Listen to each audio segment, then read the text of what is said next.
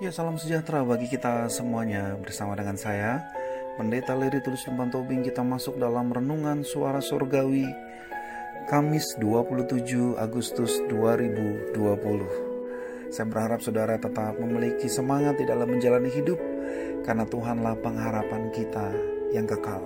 Kita berdoa Bapak kami sungguh bersyukur buat setiap tuntunan dan penyertaan Tuhan dalam hidup kami. Saat ini kami bersama-sama akan kembali merenungkan sebagian firman-Mu. Tuntunlah kami dalam rohmu, agar apa yang kami baca dan renungkan sungguh boleh menguatkan kami untuk kami kuat di dalam menjalani hidup ini. Hanya di dalam nama Tuhan Yesus kami berdoa. Amin. Saudara-saudara, tema yang akan kita renungkan pada saat ini ialah berdamai dengan kenyataan. Kita akan membaca dari Yesaya 48 ayat yang ketiga. Firman Tuhan berkata, hal-hal yang terjadi di masa yang lampau telah kuberitahukan dari sejak dahulu. Aku telah mengucapkannya dan telah mengabarkannya.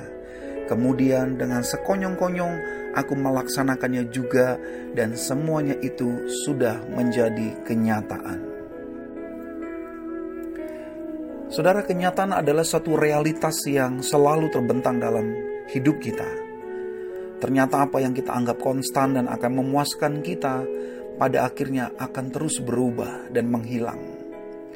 Apa yang kita proses, apa yang kita pegang erat, apa yang kita perjuangkan sepanjang hidup kita juga akan hilang pada waktunya.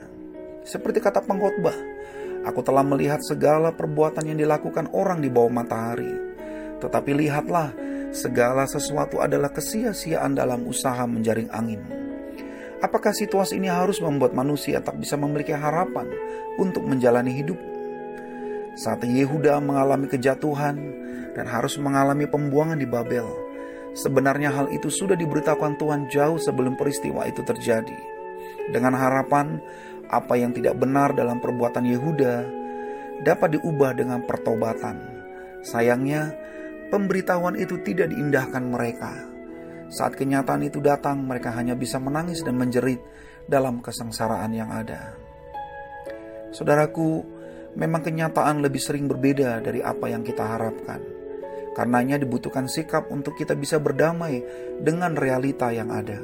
Jika tidak, kita hanya akan terus jatuh dalam mempersalahkan keadaan orang di sekitar kita terlebih kepada Tuhan.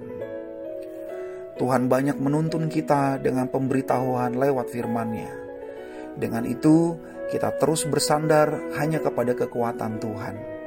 Kenyataan tidak dipandang sebagai sesuatu yang kita khawatirkan, tetapi tahapan hidup yang harus dimenangkan. Jika kita merasa lemah, bersandarlah kepada Tuhan yang lebih kuat dan mengerti. Mari kita serahkan segala kekhawatiran kita kepada Tuhan, sebab Ia yang memelihara kita. Amin. Kita berdoa. Bapa, terima kasih lewat firman-Mu kami menjadi mengerti bahwa kenyataan yang terbentang dalam hidup kami tidaklah menjadi sesuatu yang membuat kami takut dan menyerah. Tapi biarlah kami belajar untuk bersandar kepada Tuhan, untuk kami bisa berdamai dengan kenyataan yang ada. Kami tidak mudah untuk menyalahkan, tetapi kami juga belajar untuk berjuang, menghadapi, dan memenangkan segala keadaan yang ada.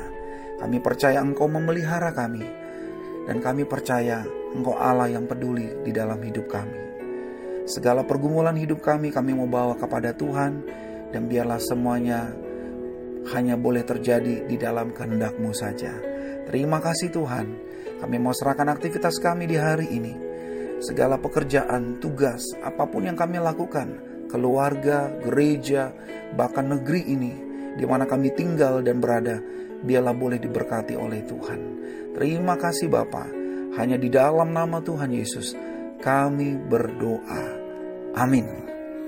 Ya, selamat beraktivitas. Tuhan Yesus memberkati kita semuanya.